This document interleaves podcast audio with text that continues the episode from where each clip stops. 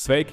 Mani sauc Kārlis Apels, un šis ir podkāsts par drošību, kas tapis sadarbībā ar Drošības profesionāļu asociāciju un biznesa augstskolas turību komunikācijas radošo telpu Digicom. Podkāstā runājam par kiberdrošības, ugunsdrošības, darba aizsardzības un fiziskās drošības tēmām. Mēs runājam par detaļām, jo tām ir nozīme. Tās glābj cilvēku dzīvības un pasargā mūs no nelaimēm. Labdien! Mēs esam tikušies šogad, ja februārī neesam tikušies, bet martā mēs esam tikušies. Šodien mums ir tāds īpašs, īpašs viesis. Pēdējo mēnesi mēs esam pavadījuši kara apstākļos, kad mēs ļoti labi zinām, ka Ukrainā iebruka Krievija. Un, uh, mums bija interesanta saruna Twitterī, uh, un, un, un tas bija saistībā arī ar mūsu rīku, ko mēs uh, radījām saistībā ar šo uh, Krievijas agresijas atbalstītājiem Latvijā. Un uh, tā saruna mums bija ar uh, Latvijas kultūras biedrības vadītāju Juri Viļumu. Sveiks, Juri! Čau, Vasals! Sveiki! Ar Juri mēs šodien runāsim par dažādiem tematiem, bet es pirmkārt esmu priecīgs, ka Juris piekrita uz šo sarunu. Un, tāpēc mēs šodien parunāsim par nacionālo drošību caur reģionālās drošības prizmu. Un tieši nu, varbūt vairāk izcelsim Latviju, jo Juris mums ir arī no Latvijas. Un tā diskusija mums patiesībā bija arī par Latviju sākotnēji. Tāpēc, uh, Juri, varbūt uh, cilvēki, kas, uh, kas varbūt nezina tevi, varbūt pastāsti nedaudz uh, nu, tādu īso biogrāfiju par sevi. Oi, īso biogrāfiju. Nu, mm, jā, man ir gandrīz 40 gadi. Šobrīd dzīvoju, strādāju Dagdas pusē. Bet nu, droši vien klausītājiem un saistībā ar drošību kontekstā varētu būt saistošāk zināt, ka es biju septiņus gadus saimnes deputāts no 2011. līdz 2018. gadam. Paralēli visu laiku esmu gan aktīvs dažādās nevalstiskajās, nevaldības organizācijās, kas saistās ar latgales gan kultūru, gan, gan jauniešiem, gan uh, Nu, jā, varbūt ar drošību tā tieši nebija saistība, bet, nu, ja, ja tu dzīvo pierobežā, tad tu šā kā tā esi robežsargs dien dienā. Nu, un kas vēl, jā, savulaik biju strādājis arī Latvijas reģiona attīstības aģentūrā, pašvaldībā esmu pastrādājis kādu laiciņu arī Reizes speciālās ekonomiskās zonas administrācijā. Bet faktiski, jā, visa mana dzīve ir bijusi Latvijā, izņemot četrus gadus, kad studēju Jelgavā. Tā kā viss pārējais ir tur. Yeah. Uh, nu, lūk, tad uh, pirmais jautājums arī par, uh, par tiem, nu, protams, par aktuālo tēmu, par, uh, par, par karu, par Ukrajinu, par Krieviju, par, par to, kā tas rezonē ar Latvijas sabiedrību. Um, kā notikumi ir ietekmējuši Latvijas sabiedrību? Vai ir kaut kas, teiksim, vai tu pamanīji, ka šeit ir kaut kāda atšķirība no tā, kā, nezinu, Liepājā, Ventspilī vai, vai, vai Cēsīs, kā cilvēki sadzīvo savā starpā? Jā, noteikti ir atšķirība. Nu, varbūt tieši ar Liepāju un Ventspili man būs grūtāk salīdzināt. Tur es, es neesmu tik bieži, bet uh, saistībā ar Rīgu varbūt man tā, tā, tā salīdzinājums ir gana labs. Uh, izstrādājies, jo galu galā šeit kādu laiku esmu faktiski gandrīz vai dzīvojis, bet katrā ziņā strādājis. Un jā, jāatzīst, ka tā tas stāsts, ka mēs tomēr dzīvojam nu, gandrīz vai divās valstīs, jo tas, kas notiek Rīgā un tas, kas notiek ārpus Rīgas, ir sevišķi teiksim, 100 km tālāk nekā Rīgas robeža, tas ir nedaudz cits stāsts. Gandrīz jebkurā jomā, sākot ar informatīvo, turpinot ar ekonomisko, jo reģionālā nevienlīdzība mums Latvijā, diemžēl, ir nesteigtu nepiedodami liela. Un, un arī saistībā ar, ar, ar, ar drošības lietām. Jā, nu, tur arī noteikti ir sava specifika, kas notiek. Nu, sevišķi lielajās pilsētās, Latvijā, kas ir Daugopils un Reizekne. Tas atkal ir savādāks stāsts nekā pārējā Latvijā. Tāpat kā Rīga un pārējā Latvija, tāpat arī tiksim, Daugopils un pārējā Latvija. Tur ir savas nianses, un, um, bet, nu, protams, karš pirms vairāk nekā mēneša, nu, es domāju, katru uh, cilvēku, kas, kas analizē un seko tam, kas notiek pasaulē, un daudz maz ir mediju pratīgs, jā, nu, tas bija šoks. Man pašam bija šoks. Es teikšu, nekautrējos. Es, es laikam kādu nedēļu vai pat vairāk nu, nu, vienkārši raudāju. Jo, nu, neteiksim, ka es tur sēdēju un pie galda raudāju, bet es jūtu, ka man vienkārši acīs saskrien asaras, jo, jo nu, tas ir vaiprāts kaut kāds. Uh, un līdzīga sajūta noteikti bija daudziem uh, arī latgabalā dzīvojošajiem, jo, jo tiešām mēs dzīvojam. Nu, mana māja ir 20 km no robežas ar Baltkrieviju un Krieviju. Līdz ar to jau no 2014. gada pēc būtības tā sajūta laiku pa laikam ir neomolīga. Uh, 20. gadā, kad Baltkrievijā viss teiksim, pamainījās, jā, tā būtiski, un bija cerības, ka tas varbūt arī tūlīt, tūlīt beigsies pēc, pēc mēneša vai ātrāk, jā, kā mēs tagad runājam. Kā redzam, tur ir ievilcies tas viss. Un tobrīd, nu jā, un tobrīd mēs arī uztaisījām arī gājienu gar Baltkrievijas robežu ar Baltkrievijas karogu, baltu, sarkanu, balto.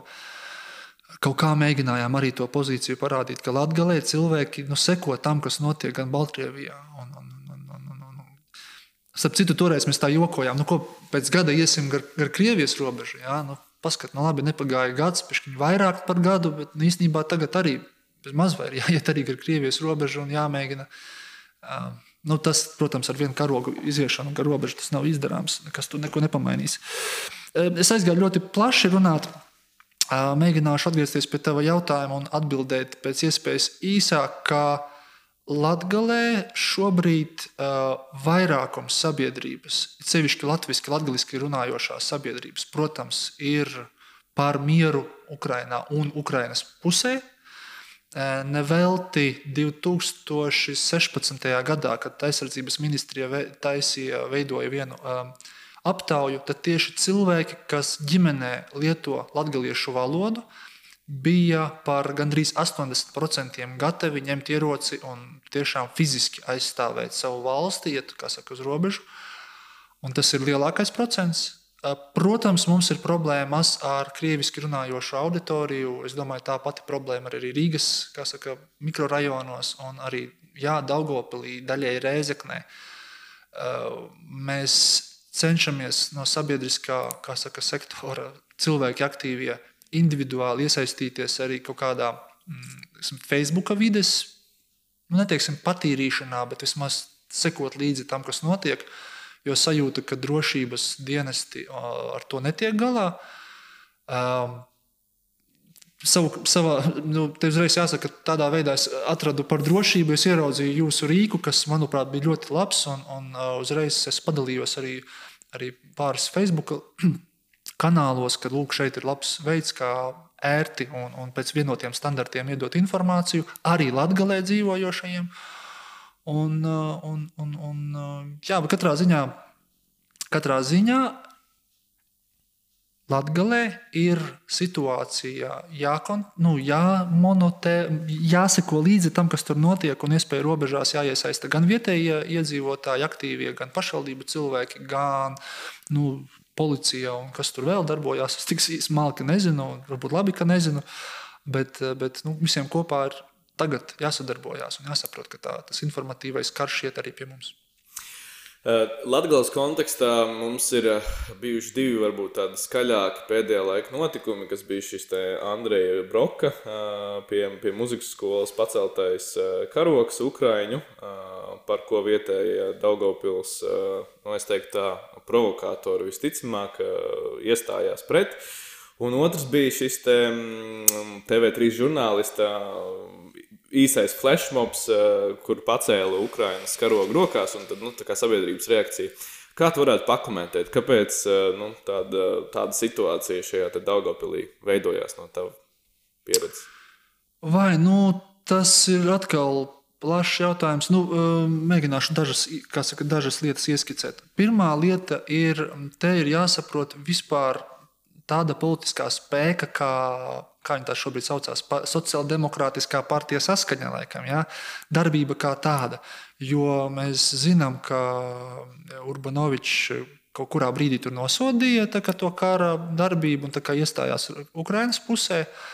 Bet nu, mēs saprotam, ka tas ir politiskais spēks, kas gadu gadiem ir sadarbojies ar, ar, ar Krievijas valdošo spēku, un mēs zinām, kas ir viņu vēlētājs šeit, Latvijā, gan Rīgā, gan Daugopilī. Un skaidrs, ka viņi mēģina nu, tā lavierēt un vismaz dažādas pozīcijas no savas puses teikt. Un, un, un to otro pretējo, nu, nu ne pretējo, bet nedaudz savādāku, teiksim, tā, tas pats Daugopils esošais mērs mēģina ieturēt, jā, ka pat daudz Ukrainas karogu, un ka, ko jūs mums te uzspiežat, un ko tur vēl nē. Te pašā laikā Daugopilī ir savdabīga situācija. Tur daļa ir pret saskaņu kā partiju, bet te pašā laikā viņi ir nu, šajā, nu, teiksim tā, prokremliskajā domāšanā.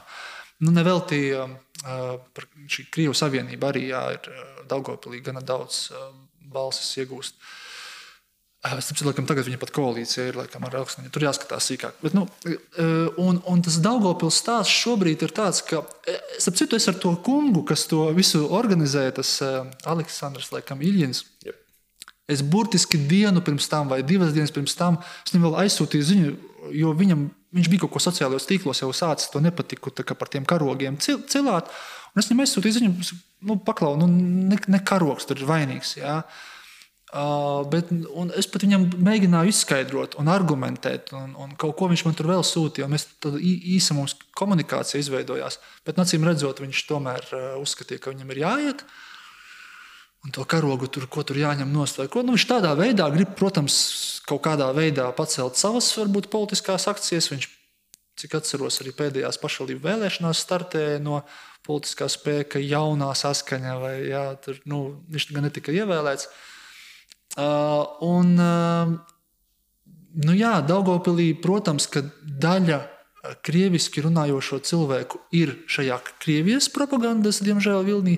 Daļa ir, nav, daļa ir pilnībā. Daudzi arī krieviski runājošie daudzopilieši man pašam rakstījuši, ir, ka mēs atbalstām Ukrajinu. Varbūt ir bailes, varbūt vēl kaut kas, jā, varbūt nepatika. Un pašiem ir sašutums par to, kā apkārt ir tie viedokļi tomēr dažādi.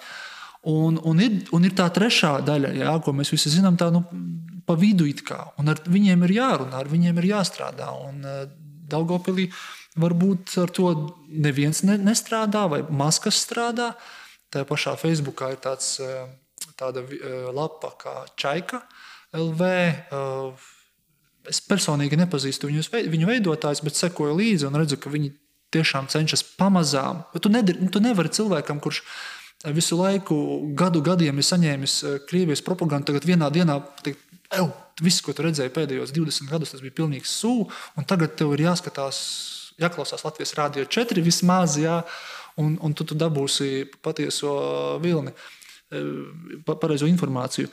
Burtiski šodien es vienu salīdzinājumu teicu vienam citam cilvēkam, ka tas ir kā ar, ar bērnu. Man pašam ir divi puikas, un uh, tā teorija ir tāda, ka tev vispirms ir vajag connect before correct. Jā? Tad vispirms tev ir jāsavi, jādabū kontakts ar to bērnu, tad tu viņam vari kaut ko iemācīt. Un ir jāsaprot, ka tie krieviski runājošā cilvēka sabiedrības daļa tiešām daļa ir kā bērni. Viņi ir vienkārši apdullināti ar to informāciju bijuši. Tagad ar viņiem ir pamazām ir jāveido kontakts, un tad tu pamazām vari viņam izstāstīt arī kaut ko citu. Pēc būtības, jā, ka melns ir balts un balts ir melns. Un, un, un, un, un, un, un tas sižets ar TV3, nu, tur jāskatās, cik ilgi viņš tur bija. Jā. Es viennozīmīgi ir tādi cilvēki Daugopilī, kas uzskata, ka Ukraiņu karogu ir par, par daudz. Tāpēc, ka varbūt Krievija ir laba, tas ir viens. Otrkārt, ka vienkārši Ukraiņas karogu ir par daudz. Uh, nu, ar to argumentāciju zinām, ka tā ir jocīga, jā, ka tur Latvijas karogu pēkšņi tagad visi sākuši mīlēt. Vai, da, vai Daugopils karogu? nu, vai Daugopils karogu, jā. Nu, tur, tas viss ir, protams, baltiem diegiem šūts, tā teikt. Jā.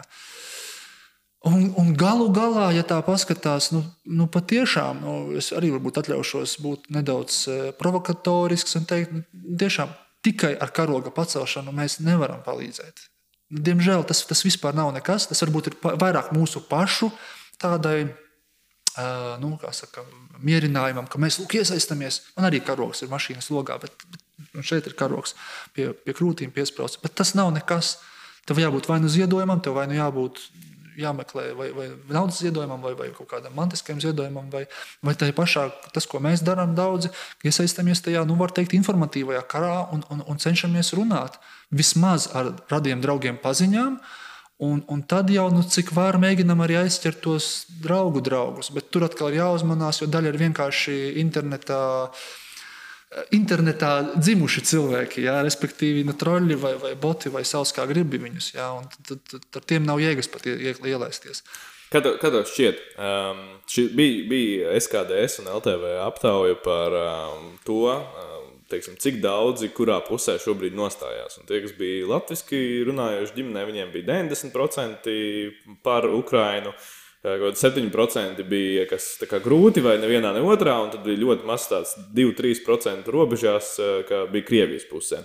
Tiem, kam bija krieviski runājošie ģimenē, tur bija 20% ukrāņu pusē, 20% krievu pusē izteikti, un tad bija aptuveni 4, ne, 60 kaut kādi procenti, kas vai nu nevienā, ne otrā, vai grūti pateikt. Uh, man tieši jautājums par šo 60%, kas ir grūti pateikt, vai nevienā, ne otrā pusē. Kā tev šķiet? Uh, Vai tas ir nu, teiksim, nezinu, apmulsums, vai tas ir tāpēc, ka viņi negrib paust to savu viedokli, jo viņiem liekas, ka pret viņiem vērsīsies, vai tas ir kas, kas, kas varētu slēpties aiz šiem 60%? Nu, es domāju, ka tur ir arī tā nu, teikt, kļūda, ka mēs tos 50 vai 60% ieliekam uzreiz vienā kategorijā un ka viņi visi ir apmēram vienādi. Tur kā reize šī daļa sabiedrības, ar tiem pārējiem jau mēs apmēram, tur viņiem apmēram skaidrs, bet ar šiem 50% ar vi, viņus ir nu, vai nu jāaptaujā, vai jāanalizē, vai jārunā ar viņiem. Un tur ir jātaisa smalkāka gradācija. Jo, protams, daļa no viņiem joprojām atbalsta nezinu, Putinu, bet vienkārši jau kaut reiz to pateikt. Mēs zinām, arī Latvijas valsts pieredzē tādi gadījumi ir bijuši, piemēram, to pašu Zīgeristu savulaik. Ja? Par Zīgeristu gāja balsot, bet neviens neatzinās pirms tam, ka par viņu balsos. Ja? Tā, tas ir viens. Otrs ir patiešām apmulsuši. Trešie varbūt ša sāk šaubīties, un ja viņi sāk šaubīties, tad, tad tas ir nu, mēnesis ir pagājis. Un, un, diemžēl tādu būtisku izmaiņu Latvijas mēdīju vidē es neesmu ieraudzījis. Ir daži pozitīvi signāli, tie paši Latvijas Rādio 4. Un, un, un, un, un LSM kaut ko dara, bet LSM tajā pašā Twitterī viņa nav. Facebookā laikam nedaudz ir, bet, bet ļoti maz. Ja? LSM ir Twitterī. LSM krieviskā versija ir Twitterī, bet Latvijas viņam arī. Latvijā, jā, bet es runāju tieši par krievi. Mēs runājam šobrīd par ah, krieviskiem. Okay. Uh -huh. Un, un, un krieviskajā versijā, ja nemaldos, ir kaut kādi 70 sekotāji, nu, varbūt 170, lai man viņu piedod. Nu, respektīvi, tur nav nekas nopietnas. Nu, labi, es saprotu, ka varbūt arī nevar nosekt pilnīgi visas šīs. Uh, um, Auditorijas. Nu, pie tam ir tie, kas lieto Twitter. Es domāju, ka nav masveidā šajos 50 vai 60 procentos.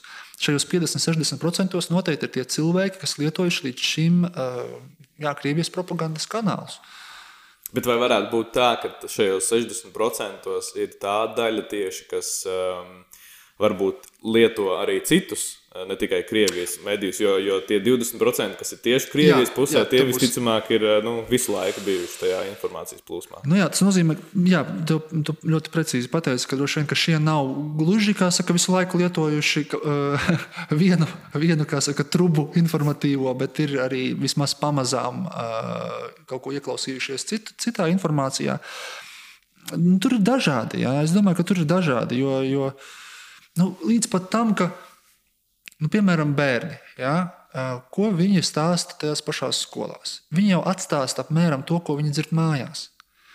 Un, nu, tā jau arī tie paši skolotāji var ļoti labi saprast, kādi, kādi kanāli televīzijas vairumā ir ieslēgti viņu mājās. Ja? Un,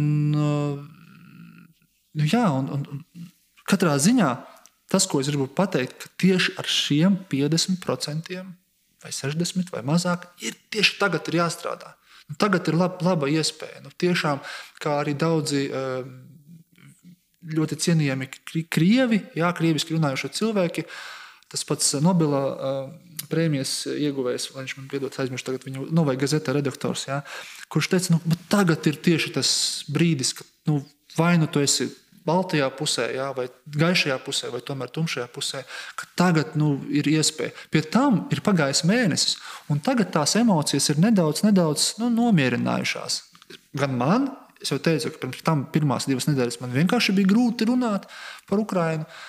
Uh, tagad jau ir kā, nu jā, jau mēnesis pagājis, jau kaut kā mēs sadzīvojam. Arī šie 50, 60% viņi jau nedaudz sadzīvo. Uh, Plus, kas ir drīzāk mīnus, ir tas, ka tajos pašos sociālajos tīklos uzdarbojās šie dažādi darboņi, un, un turpina šos dažādus narratīvus. Jā? Par to, ka Ukraiņas karogu par daudz vai vairāk Latvijas karogu, par to, ka lūk, degviela tagad paliek dārgāka, ka tagad tur vēl kaut kas paliks dārgāks, un gāze, un vēl kaut kas, vai cik slikti, vai cik slikti, un ka tagad Ukrāņu bēgļi te nāk, un, un, un, un viss, viss pārējā. Un šie, un šie 50% diemžēl viņi ir nu, ļoti pateicīga uh, augsne, kur šiem darboņiem uzdarboties un iesēt atkal nākamo sēklu un vismaz šaubu sēklu. Ja? Kā nu zina, jā, varbūt tiešām tā Latvijas valsts, nu, jā, mums te Daugopilī ekonomiski grūti, tagad pie tam tajā uh, lokomotīvju, tajā, tur, cik tur 100 vai 200 cilvēki tiek atlaisti, vai mēs tā palikām bez darba un viss pie visa vainīgi ir Ukraina un vēl kaut kas. Ja? Tur, lai tas tā nenotiktu, viņiem ir jā, jāskaidro, jārunā un jāpiedāvā cita informācija. Un, Kā, kā to darīt? Jo um, oh. rekur, vien, vien, arī debata mums ir bijusi. Tagad uh, ir galvenā redaktore, piemēram, Nelija Ločmēla, ļoti iestājās par to, ka mēs aizliedzām Krievijas uh, medijus.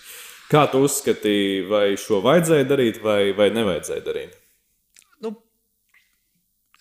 es teikšu tā, ka man personīgi ir pilnīgi vienalga, jo es viņus nelietoju ne līdz tam, nelietoju tagad. Lai gan kaut kādu vienu es mēģināju atvērt, Jo man ir, man ir tāda viena lieta, varu, tas nav noslēpums. Es uzturu attiecības, var teikt, informatīvajā telpā ar vienu propagandisti, kas dzīvo tagad Krievijā. Viņa kādreiz dzīvoja Daugopilī un bija žurnāliste. Un nu, es vienkārši mēģinu saprast, labāk saprast, ko, ar, kādiem, kādām informatīvajām patronām, ja tā var teikt, viņi šauj. Un tas ir šo pagaidām, tur, paldies Dievam, nav nekas pārāk stiprs, bet dažreiz viņi tur atsūta kaut kādas saites Un dažas, ko viņi man atsūta, es nevaru atvērt. Jā. Bet mazā bēda, es, es nojaušu, kas tur tajās saitēs ir. Uh, es domāju, ka par šo šobrīd Latvijā ir sacelta bišķiņa pat pa lielu ažiotāžu. Nu, nobloķēja, tur ir savs pamats. Ja tā uzskata, ka vajag nobloķēt, lai bloķē. Ja žurnālistiem ir jātiek klāt pie tās informācijas ar tiem VPN vai kā, es saprotu, ir, ir, yeah. ir veidi, kā pie tā tikt. Nu, galu galā no tiem 10, 20 nu, vai 100 žurnālistiem nu, būs noteikti mazāk. Nu, uztaisiet, nezinu, mazu semināru, gan jau ka pa stundu to var izdarīt un izstāstīt, kā var tikt arī pie tām lapām. Jo, darbie mīļie, eh, visa Krievija šobrīd tieši tikai tādā veidā var tikt pie kaut kādiem vērtīgiem materiāliem, jo viņiem ir daudz kas bloķēts. Viņiem tur Facebook tiek bloķēts, un kas tik vēl nav tiek bloķēts. Nedaudz iejūtieties viņu ādā. Ja? Galu galā. Bet, bet te... un, un, un, un, un, respektīvi, šis nav tik ļoti būtisks jautājums. Ir daudz būtiskāk jautājumu, pie kuriem jāstrādā un jārunā. Te atkal tas varbūt nelielais paradoks, bet atkal ja, tiem cilvēkiem, kas ar VPN meklēs uz Eiropu kanālus, vai nav tā, ka tie jau ir mūsu pusē, un ka patiesībā ar viņiem nav tik būtiski strādāt, ka jāstrādā ar tiem, kas negrib kas nemeklē, kam viss, kas pietiek, ir Russia Today vai, Rasija ģīnijā, un, un, un, un kā saka, viņiem neko citu nevajag. Nu, tieši tā, bet tur mēs nevaram ietekmēt. Jā, tur, tu, tu, to bloķēšanu veids Krievijas iestādes. Jā. Šo bloķēšanu mūsu pusē veids Latvijas iestādes. Nu, un, un, un tās saites, ko, viņi, ko Latvija ir nobloķējusi, nu, patiešām e, jālieto nu, ne tik lielam cilvēku skaitam, patiešām ekspertiem, žurnālistiem. Nu, Un, un, un, un tas atkal, tas atkal atvieglo darbu, piemēram, tādiem uh, privātajiem, privātajiem sensoriem kā es, piemēram, tajā cīņā par šiem, pelēkai, par šiem 50%, ko mēs laiku pieminējām, jā, jo, jo viņiem Viņi tiek bombardēti ar dažādu informāciju no, no, teiksim, tā, no Kremļa propagandistu puses. Un viņi tad nevar iedot atsauci uz kādu no šīm lapām, kur ir nobloķēta, jo parastais cilvēks vienkārši nevar apskatīties. Tad viņiem ir nu, vismaz kaut kāds apgrūtinājums, tad viņiem ir jātaisa tas, tā informācija kaut kur citur. Nu, piemēram, man tas, ko viņa tā, tā dāma sūta, bieži vien ir TikToks. Vienkārši TikToks. Jā, jā. Es jau saku, ka nu, TikToks nav nekāds informācijas avots, uz ko atsaukties. Bet skaidrs, ka cilvēkam vienkāršajam viņš šos TikTokus met un mētā. Un, un caur to viņi, protams, cenšas iespaidot to. Jā, par TikToku tāda varbūt piebildi mūsu klausītājiem, kam noteikti ir jautājums, kāpēc TikTok šobrīd ir galvenais propagandas līdzeklis, un, nu, vai viens no propagandas līdzekļiem, bet, piemēram, tur nezinu, Instagram, Facebook vairs tik daudz nav. Tas tāpēc, ka TikToks, nu, pirmkārt, viņš ir Ķīnas medijas aplikācija, bet otrs arī ir tas, ka TikToks ir salīdzinoši jauns, un jebkura platforma, kas veido, nu, teiksim, šo te anti-ekstrēmistu moderācijas politiku, viņiem vajag kaut kādu laiku, lai viņi atstrādātu tos nu, režīmus. Ja, tas, tas mums ir bijis Facebookā regulāri problēma, ka, ja cilvēks sāk sekot kaut kādam vienam tur radikāļu kontam, tad viņam Facebook sāk ieteikt pēc interesēm vēl tādus radikāļu kontus, ja, un tad Facebook pie šito daudz diezgan dabūju. Kas saka, pa pēcpusē, es, es pieļauju, ka TikTokā ir nu, līdzīgs algoritms, ka viņi dod pēc interesēm. Un sāk rādīties pēc interesēm, bet viņi nemoderē vēl šo saturu. Tur, tur jautājums būs vairāk gan jau pie ķīniešiem. Bet... Par TikTok es varu pateikt tikai to, ka redzi, e, tas ir pateicīgs veids, kā uztaisīt īsu video.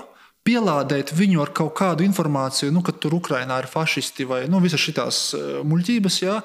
Vai, vai, vai atkal, ka tur Krievijā viss labi, vai, vai atkal, ka Latvijā, vai ziniet, viens ukrānis ir kādam tur uzbrucis vai vēl kaut ko izdarījis. Tur ir īsa informācija, īsa. Uh, Tas video, kurā tu vari pielādēt informāciju, un baigi tur nepamatot, un neskaidrot, un neanalizēt, tur baigi gari. Un tik met iekšā. Un cilvēks tik spaida, uzspiež poļu, kaut kas interesants, jā, un, un padalās nā, nā, tālāk. Tādiem, jā. Jā, Juri, viens, eh, viens tāds varbūt tiešais un atklātais jautājums eh, patiesībā arī uz tās tēmas, kāpēc mēs vispār uh, sakomunicējām sākumā. Ja? Uh, kā tev šķiet, ja šobrīd um, nu, sāktos tu, tu, tu, Latvijā kaut kas, kāda būtu Daugopils rēzeknes reakcija? Vai tur cilvēki ar puķiem sagaidītu lielais vairums? Nu, es atļaušos teikt, ka nē jo mēs tikko to statistiku tu pastāstīji, ja, ka tie ir apmēram 20%. Ja, nu, varbūt kā kurā vietā, kuri patiešām ir ar puķiem sagaidītāji. Jo, nu, tāpat kā mēs runājam par Krievijas sabiedrību, mēs runājam, ka kad tas leduskapis uzvarēs e, televizoru, tāpat arī šeit. Nu, tomēr cilvēki kaut kur saprot, ka nu, mums ir iespējas ekonomiski labākas. Un, un, un, Nu, mēs tomēr dzīvojam labāk nekā tur. Un, ja sevišķi, ja ģimenēm ir kaut kādi kontakti ar radiem draugiem pāri robežai, un it sevišķi, ja tie radi nedzīvo Maskavā, Sanktpēterburgā, tad viņi gana labi saprot atšķirību. Ja, ja, ja tikai salīdzina starp Latviju un Maskavu, Sanktpēterburgu, tad, protams, tur ir tā atšķirība varbūt pat gandrīz nav. Ja. Mm, bet Bet e, es gribētu atgriezties pie tā, ko mēs runājām yep. par to, ka, kā, kā strādāt ar šiem cilvēkiem, lai viņi nenāk tieši ar, ar, ar, ar puķiem sagaidīt tankus. E, tur, tur patiešām ir, ir jāstiprina, manuprāt, e, sabiedriskie nu, plašsaziņas līdzekļi. Ja ne Latvijas Rādio 4, labi, Latvijas Rādio 4 jau strādā. Televīzijā mums šobrīd nekas nav krieviski. Eh, nu, it kā mēs baidāmies kaut kurā brīdī, jau cik gadus mēs sakām, ka nē, nevajag vispār neko mums krieviski, tikai spiežam uz latviešu valodu un caur to mēģinam integrēt arī krieviski runājošos. Un tas tā nenotiek. Tas, ko tikko pirms tam teicu, ka mums jārēķinās ar to, ka mums nedaudz ir jānolaižās līdz viņu saka, acu skatienam, un ar viņiem jānodibina kontakts, un tad mēs varam pamazām to viņu domāšanu mainīt. Un Latvijā, protams, ir problēma arī ar to, ka, ka mums, pama, mums praktiski nav tāda latgales mēdīju mēroga. Nu, praktiski nav. Ir daži izņēmumi. Uh, ja runājam par krieviski runājošo auditoriju, tad Daugopilī ir savi daži mēdīji, un, un, un Reizeknē ir daži savi krieviski raidošie mēdīji. Uh, Un, uh, Interesanti, starp citu, ka Gorodēlvē pārpublicēja to pretagresijas tūli, kad, lai cilvēki lieto. Jā, nu, bet redzi, ko nu, es, es neesmu ļoti analizējis teikšu, tā, tos krieviski, krieviski, krievisku informāciju dod, dodošos uh, uh, plašsaziņas līdzekļus, piemēram, Daugopilī. Redzi, viņi jau arī strādā, es pieņemu tāpat kā, kā arī propaganda. Ieliek kaut ko lūk, vienu. Uh, vienu materiālu, kas atbilst uh, vienam viedoklim, un, un 20 materiālus, kas atbilst pretējam viedoklim. Ja? Un tādā veidā, protams, viņi rāda cilvēkam, redzot, nu, jā, ir, te, nu, ir te kaut kāds līdzeklis, kā tu vari žēloties par, par, par propagandu sociālajos tīklos, bet te vēl ir tur, sociālās problēmas, mums gāze paliks dārgāka, tur valsts prezidents slikts, un, un tas ir slikts, un vēl kaut kas slikts. Un, bet, bet ir, ir tajos pašos sociālajos tīklos, ko es jau pieminēju, Čaikalvē, ir, ir, uh, ir arī vēl kaut kāds mēdījis Daugopilī, kas darbojas gana, gana labi, cik es dzirdu no, no citām atsauksmēm. Bet trūkst tādas vispārīgas, kopīgas informācijas. Nu, Galu galā, ja mēs pirms kāda brīža runājām par vakcīnas avīzi, ka vajag palaist vakcīnas avīzes, lai beidzot tos aktīvākus kaut kādā veidā apkarot, tad pēc būtības nu, man šķiet, nu, jau pirms mēneša, tiešām pirmajā nedēļā bija jābūt vienai avīzei, krieviski, kas ir uh, Ukrainas avīze. Jā. Nu, Latvijasiski arī labi, bet īstenībā krieviski, tiem pašiem Daugopils krieviem, Reizeknes krieviem, varbūt pierobežas krieviņiem. Uh, un, un, un palaist to informāciju. Jo šobrīd tā informācijas telpa ļoti sadrumstalota. Ir kaut kādas pašvaldību avīzītes, kas pamatā raksta par, par pašvaldības lietām, saimnieciskajām lietām. Un pie tam arī pēc novada reformas tās pašvaldību avīzes arī tur ir nedaudz galvā e, haoss radies. Jā, jo dažas avīzes vairs neiznāk, piemēram, Dārgas avīze vairs nav, ir Krāslavas novads, un, un tie informācijas kanāli ir, ir, ir, ir, ir galīgi sajaukti. Diemžēl. Un, un tas ir traki. Jo, protams, mēs tagad jau redzam, vismaz man pašam pārliecība, ka nu, diez vai uh, Krievija iebruks Baltijas valstīs. Nu, viņiem Ukrainā izskatās pārāk ciets rīkstiņš bija. Jā. No, tos, tie zobi, kā saka, tiešām tika aplausti. Mēs esam NATO, paldies Dievam, un tā tālāk. Bet pirms mēneša tās sajūtas nebija tādas. Man pašam nebija tādas sajūtas. Un es patiešām nu, uztraucos, kas būs. Ja nedod Dievs, tad mums ienāks nu, ja ne gluži tanki, bet zaļie cilvēciņi kaut kādi. Jā, un, un cik, cik tie procenti būs uh, nospiedošā pārsvarā, kas ir pret uh, agresiju no Krievijas, Krievijas puses, jā, un pret to mazo saujiņu, kas, ja labi organizēta, mēs saprotam, jā, viņa var būt ļoti, ļoti nepatīkama. Jā. Un, uh, paldies Dievam, ka mums šobrīd patiešām ir zemesardze darbojas un paplašinās arī Latvijā. Uh, NBS šobrīd Lūznavā ir pāris gadus, nedaudz, bet, jā, bet tas arī prasīja ļoti ilgu laiku, līdz, līdz, līdz uh, valsts bruņoties spēki patiešām sāka stiprināt arī savas struktūras pierobežā, jo vēl kaut kādā. Nu, Vējoņa kungs jau toreiz bija aizsardzības ministrs, es biju saimnes deputāts. Es viņam tieši jautāju, nu, kāpēc tur Latvijā ir tā kā pa maz to bruņoto spēku. Ādažos šeit ir, bet tur ir pa maz.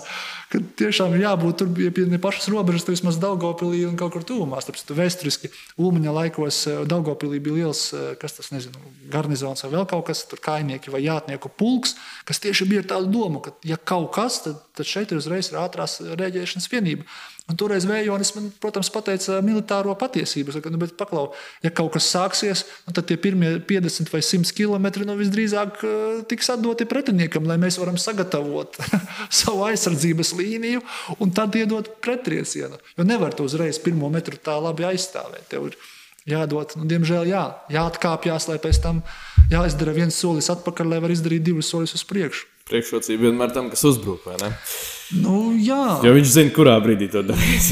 jā, un, un, un tas ir tas, ir, tas bet neatkarīgi no tā, kas, kā šobrīd un cik ātri beigsies vai nebeigsies Ukraiņas stāsts, šie 50% šaubīgie Latvijā joprojām paliek. Tā ir, tas ir darbiņš, kas mums ir jāizdara. Ja mēs to neesam izdarījuši pa 30 gadiem, tad tagad nu, ir, ir jāsaspurojas un jāmēģina tas sakārtot, jo tas ir gan drošības jautājums, gan kaut kur arī ekonomikas jautājums, jo viņi varbūt daļai ir arī ekonomikā mazāk iesaistās. Un tas ir arī politiskais jautājums, kas atkal aiziet pie drošības jautājuma. Ja? Jo, ja šie cilvēki nu, turpina balsot par partiju, kas visu laiku ir atklāti teikusi, ka viņi sadarbojas ar, ar Krievijas valdošo Kremļa partiju, nu, tad, tad, tad ko mēs gaidām? Um, nākamā tēma, par ko es vēlējos parunāt, um, tuvojas 9. maija. Uh, 16. marts mums, uh, paldies Dievam, šogad bez baigiem ekscesiem bija, bet, uh, bet 9. maija tuvojās. Mēs uh, redzam, tagad ir pieņēmusi saima šo aizliegumu organizēt uh, tuvāk par 200 metriem kaut ko, bet uh, šis pats Andrejs Elksniņš ir jau nu, izteicies, ka neviens mums nevar liekt tur šašliku cept parkā vai, vai, vai līdzīgi. Ja. Kā tev šķiet? Um, kas mums šogad ir sagaidāms 9. maijā? Ne tikai Latvijā, bet vispār 9. maijā. Vai tur būs kaut kādas mums milzīgas problēmas, vai, vai, vai tomēr citādāk? Uh, nu es vēl klusībā ceru, ka nu jā, marta diemžēl ir garām. Un, lai gan mēs redzējām to ierakstu sociālajos tīklos, daudzos, ka martā tieši daudzi Krievijas impērijas teikt, vadītāji ir aizgājuši pa kuģu taku, jā, vai kā tas saucās. Diemžēl jau ir aprīlis. Un, uh, Un tur mēs tādu kardinālu izmaiņu neesam ieraudzījuši, bet līdz 9. maijam varbūt tomēr kaut kas var būtiski izmainīties. Es būšu optimists, ja tā var teikt. Bet uh, droši vien, ka neatkarīgi ne no kā šī tradīcija 9. maijā, kas ir gadiem uzturēta, gadiem ir uzturēta, viņa tā nepazudīs. Un kaut kāda daļa, cerams, patiešām ir būs apdomājusies un uz, uz tiem pasākumiem eh, pie šiem pieminekļiem vai 200 metru attālumā no viņiem neies, bet daļa noteikti ies, un daļu noteikti arī, kā saka, mm, nu, ja ne gluži aizdzīs, tad mēģinās kaut kā pievilināt, teiksim tā, iet, lai parādītu, lūk, ka šeit ir kaut kādi puķu, eh, puķu mīlētāji 9. maijā. Un, eh, nu, ko, nu, Elksņa kungs noteikti strādā uz nākamajām saimnes vēlēšanām, un viņš noteikti mēģina uzrunāt visus krieviski runājošos cilvēkus, gan tos, kas ir attiecīgi Putina pusē, gan tos, kas ir šaubīgie. Varbūt viņš saprot, ka tos, kas ir Ukraiņas pusē, nu, tā pamatīgi, jā, tie 20% no krieviski runājušajiem nosacīti. Tie jau kā, drīzāk balsos par kādu no citām partijām, jo arī, paldies Dievam, arī, arī, arī citās partijās pa kādam vienam vai diviem um, krieviski runājošiem politiķiem ir, bet maz, joprojām maz. Tā ir laikam viena no lielākajām problēmām jau gadiem, ka Latvijā nav tāda nu, normāla, adekvāta, eiropiska politiskā spēka, uh, vai vismaz politiķu grupas, dažu, vismaz dažu, jā, kādā, kas, kas varētu piedāvāt kā alternatīvu, ka nu, balso nevis par, par šiem kungiem, jā, kas ir šaubīgi, bet tu vari balsot par nu, jā, valstiski domājošiem, eiropeiski domājošiem krieviem. Um, nu, Tagad, jā, mums, mums tam ir jāgatavojas, un, un, un, un noteikti, ka daļa, daļa cilvēku tomēr mēģinās to 9. maiju kaut kādā veidā uh, izmantot. Bet, paldies Dievam, tā ir tikai viena diena. Nu, kaut kā es domāju, gan drošības dienesti, gan policija, gan visi pārējie, gan, gan, gan plašsaziņas līdzekļi, gan sabiedrība. Nu, tiksim mēs tam cauri. Vai tev kā latgalietim 9. maija kaut kā citādāk, nezinu, liekas, vai mazāk bīstams, kā man kā, nezinu, latvietim šausmīgi agresīvs viņš liekas šis datums un, un apkaunojošs? Vai... Nu, redzi, man kā latgalietim, es teikšu tā, es četrus gadus nodzīvoju Daugopilī. Man darba vieta bija burtiski nu, 100 metrus no tā, tās mūžīgās uguns, kur 9. maijā katru gadu notika tie nu, kādi koncerti. Un, ja maijā jau ir saulīte spīd un, un lapas zaļas, jau gribas atvērt logu vaļā, nu, tad nu, man, godīgi sakot, protams, bija tāda sajūta, ka. Nu, Man pat grūti vārdos to aprakstīt. Nu, neparasta, jā, ka tas ir kaut kas no cita gadsimta. Uh, Nu, jā, par to varēja tajā brīdī būt tā, kā ies, iesmiet, un, un lai jau cilvēki tur iet kopā un tur dzied tās dziesmas, tur krievu tekstiem kaut ko par, par karu un tā, tādām un par uzvaru. Uh, bet citādi es no 9. maiju savā dzīvē neesmu izjūtis kā baigo draudu. Varbūt tiešām, kad Rīgā dzīvoju, to vairāk izjūtās. Jā, tur ir tas, nu, tas piemineklis, jā, kuram nevajadzētu būt ar, ar vārdu uzvara. Tas paties, patiešām tas ir man šķiet nolaidība, ko mēs visi kaut kā palaidām garām. Kāpēc tam piemineklim 30 gadus pēc Padomju Savienības aiziešanas jāsauc par uzvaras pieminekli? Nu, sauciet viņu kā gribiet. Nu, kaut vai piemiņas piemineklis, tur otrā pasaules kara kritušajiem, vai vēl kaut kā savādāk. Lai nav pārāk, teiksim, uzreiz negatīvs okupācijas piemineklis vai vēl kaut kas tāds. Bet nu, ne uzvaras piemineklis, vai ne? Un, uh, Interesanti lieta par šo, starp citu, ka uh, tur ir uzvaras piemineklis pēdiņās, atrodas uzvaras parkā. Bet uzvaras parks turpretī ir uh, no Latvijas laika jau, nevis no Padomu Savienības. Uh, un zini, kāpēc? Tāpēc, ka šis, ten, um, šis šobrīdējais uzvaras parks, viņš patiesībā bija pēc 11. novembra Latvijas uzvaras pār Bermuda armiju. Viņam bija jau savs tur memoriāls, tas um, savs projekts, ko Ulmans vēlējās realizēt, ka tur būs mūsu uzvaras parks. Un, un kaut kā mēs esam nu, kā, vienkārši ienākot teiksim, Krievu okupācijas spēkam, viņi paņēma to uzvaras parku un pārvērta to par savu, savas uzvaras parku. Lūk, tieši tā, viņi to paķēra, kā saka, un to mazo sēkliņu izmantoja un pārvērta to par, par savas uzvaras. Jā parku un, un pieminekli. Un, un tagad pat es nebiju tik smalki iedziļinājies, no kura brīža tas parks ir uzvaras un ka, un ka tur Rumānis kaut ko mēģināja darīt. Un, un, un jāsaprot, ka nu, atkal ar, ar, ar cilvēkiem parastajiem ir jābūt ļoti vienkāršiem un nepārprotamiem saka, šiem vēstījumiem. Un, un tur ir jābūt nu, tiešām. Ja, ja 30 gadus tur visu laiku bija 9. maija pasākumi, nu, tad skaidrs, ka to, to gan parku, gan pieminekli ir jāmaina nosaukums. Pēdējais temats, par ko mēs vēl nedaudz varam parunāt. Eh, LTV vēl vakar vai aizvakar bija sižets par eh, to, ka eh, Daugaupilī uzņemtie bēgļi no Ukrainas, ka viņi, nu, viņi nejūtās droši un ka viņiem ir šie brīvprātīgie, kas viņiem palīdz, arī nejūtās droši. Kā tev, kā tev šķiet, vai šobrīd ir pareizi nu, teiksim, Latvijā izvietot. Es, nu, var, visticamāk, ja mēs runājam par Daugopili un Rēzekni, kur varētu būt lielākās problēmas, citur gan jau ka nav. Bet, bet idejas, ka vai būtu pareizi izvietot šobrīd tur bēgļus, vai viņiem pastāv kaut kādi riski, vai, vai tas ir pārspīlēti? Um, es domāju, ka tie riski ir tomēr pārspīlēti. Daļēji varbūt arī mēs caur sabiedriskajiem mēdījiem, arī caur TV3 sižetu uh, Eh, esam kā reizi mēģinājuši izvilkt šo stāstu, ja, ka lūk, tur ir kaut kādi agresīvi noskaņotie. Es domāju, ka tas ir pārspīlēti, jo arī pat tie, kas ir tur tie pret Ukrainas karogu, kā simbolu, ko pārāk bieži viņi, viņi nav tomēr agresīvi, nu, lielajā vairumā. Es teiktu otrādi, tieši vairāk vajag uh, Ukrāņu cilvēkus, bēgļus manuprāt, vajadzētu iespējami vairāk, un iespējami vairāk arī viņus aicināt uz dažādiem pasākumiem un vest kopā ar vietējiem, ar, ar, jā, ar krieviski runājošajiem, ar nevalstis, nevalstiskajiem, ar nevaldības organizācijām. Un vienalga ar ko, ar pensionāru biedrībām, ar Baltkrievijas biedrībām, starp citu, ar Ukrāņu biedrībām. Viņus vest kopā lai viņas tiešām stāsta reālo stāstu, kas ir Ukrajinā.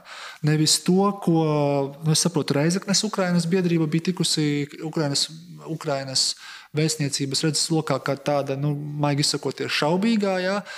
Par Baltkrievu biedrībām. Cik es zinu, tur ir dažādi cilvēki domājuši arī joprojām par to pašu Lukašenko, bet jāsaprot, ka tas gadiem šīm biedrībām bija sadarbība ar Lukašenko dažādām struktūrām. Tur brauca pieredzes apmaiņas, tur pasākumi bija. Skaisti pasākumi, kultūras pasākumi ar garšīgiem ēdieniem, dzērieniem. Pat vēl pēdējais kaut kāds sižets bija no Latvijas Rādio 4, Latvijas Rādio Latvijas studijas, no Baltkrievu biedrības Reizeknē. Un, un, un tā vadītāja man šķiet, bija viņa vienīgā, ko visu raidījumu pateica, ka nu, lūk, mēs cenšamies popularizēt mūsu kartupeļu receptes. Lūk, tā tā. Un visa raidījuma laikā nepušplēsta vārda par Ukrainas situāciju, nepušplēsta vārda par situāciju Baltkrievijā. Nu, piedodiet, man tad ir jautājumi, nu, kas tā ir par Baltkrievu biedrību. Ja? Tie, tieši tāpēc es saku, ka, ka, ka šos bēgļus es teiktu, ka vajadzētu pēc iespējas vairāk. Protams, cik pašvaldības var paņemt, jo nu, mums jāsaprot, ka sociālā tās, tā schēma tā teikt, vai situācija nav spīdošākā eh, pierobežas pašvaldībās, salīdzinājumā ar tām pašām pierīgas pašvaldībām. Un Daugopilī lielījās tas pats Elksniekungs, ka ir 300 ukrāņu bēgļi. Nu, Rīgā, cik saprotu, katru dienu ir 400-500 jauni bēgļi. Jā. Nu, tas nav nekas tāds liels cipars, ar ko tur ļoti lielīties. Um, ja tā nedrošā situācija ir, tad tur nu, maksimāli tagad ir ar to jāstrādā, lai tā nedrošā situācija nekādā gadījumā nebūtu. Jo, jo gadiem ar to bija jāstrādā. Un, un, nu, īstenībā e, es saprotu, ka šis ir pēdējais temats. Varbūt šeit es iemetīšu arī tiltu uz pašu sākumu, kā mēs ar tevi saka, sākām komunicēt. Jo visu cieņu tam rīkam, ko jūs uztaisījāt un ielikāt iekšā uh, savā lapā par drošību, un lai cilvēki var labāk ziņot par dažādiem tiksim, tā, nevēlamiem subjektiem, kas sociālajos tīklos uzdarbojas ar kara propagandu. Un, un es saprotu, ka tu gribēji labu pieminēt kā piemēru, jā, ka krimināla likuma izpratnē arī piemēram, tādi aicinājumi kā uz Latvijas Tautas Republiku nu, ir nosodāmi. Protams, tie ir nosodāmi. Bet tas atkal ir tas stāsts, ka toreiz, 2014. gadā, tas Latvijas Tautas Republikas stāsts, viņš tur kā tā uzšķīlās, uzšķīlās no kaut kāda anonīma ieraksta sociālajos tīklos, kur viens ķēmis atvainojos, sabojāja vai, vai izķēmoja Latvijas karogu un uzrakstīja virsū Latvijas Narodnē Republika. Un pēc būtības tas bija arī viss. Nebija vairs, nu, Es neesmu dzirdējis, lai būtu kāds noķerts, notiesāts un uzlikt, uzlikt kaut kāds sots kādam konkrētam cilvēkam visā Latvijā, kurš būtu ar tādu karogu izgājis ārā un kaut ko vicinājis. Nevienā Latvijā, nevienā vietā nebija. Bet burbulis bija milzīgs. Jā. Vai redziet, Latvijā tur nu, nav daudz, jā, bet Daugaupīlī varbūt tur ir kaut kādi. Plus bija tas BBC, tas televīzijas vai, vai kas viņu raidījums bija, kur atkal to pastiprināja. Un tas atkal mums vairumam Latvijas iedzīvotāju, nu, liekas, nu, nu, cik var. Jā? Mēs te cenšamies, mēs te dzīvojam galu galā, mēs šeit dzīvi robežsargi. Mēs runājam ar, ar kaimiņiem saviem un ar saviem radiem draugiem, kas ir tajā varbūt arī joprojām. Vai daļēji tagad jau īstenībā labi, ka nobloķējuši tos televīzijas kanālus. Uh, jo, jo tomēr daļa tiešām ir zaudējuši šo saikni ar, ar, ar Krievijas propagandas kanāliem. Ne visi, jo kam ir satelīti, tie tur ir grūtāk to bloķēt bet kam ir bijuši kaut kādi citi veidi, tad viņi nedaudz ir, ir, ir uh, mazinājušies. Un tā kā jā, nu, mums, mēs Latvijā darām, ko varam. Ja vajag mūsu saka, ieteikumus, mēs varam salikt cilvēki no pašvaldībām, gan no nevaldības organizācijām. Un, ja policija vai, vai drošības struktūras vai tik jaukas lapas kā jūsējā, var kaut ko palīdzēt, tad darām to. Bet mēģinām nesarežģīt to visu. Jā, jo, jo dažreiz patiešām rokas nolaižas, jo, jo nu, cik tā var. Nu, teikšu vienu konkrētu piemēru man pašam. Nu, Radiniece, var teikt, jā, kas atgriezās no dzīves Briselē. Viņa patriote, es gribu atbraukt uz Latviju. Viņa šobrīd ir Ukraiņas karoga nesēja un dara visu kaut kādas labas eh, lietas, un viņa cīnās ar šiem kara propagandas eh, nesējiem. Un, un, un ja viņai pasaka, zini, nu, bet tu tur uzmanies, tu tur apkārt varētu būt kaut kāda separātisti, vēl kaut ko. Viņa, zini, es gribu braukt projām, jā, vienkārši braukt projām no šejienes, lai man tas vairs neskar.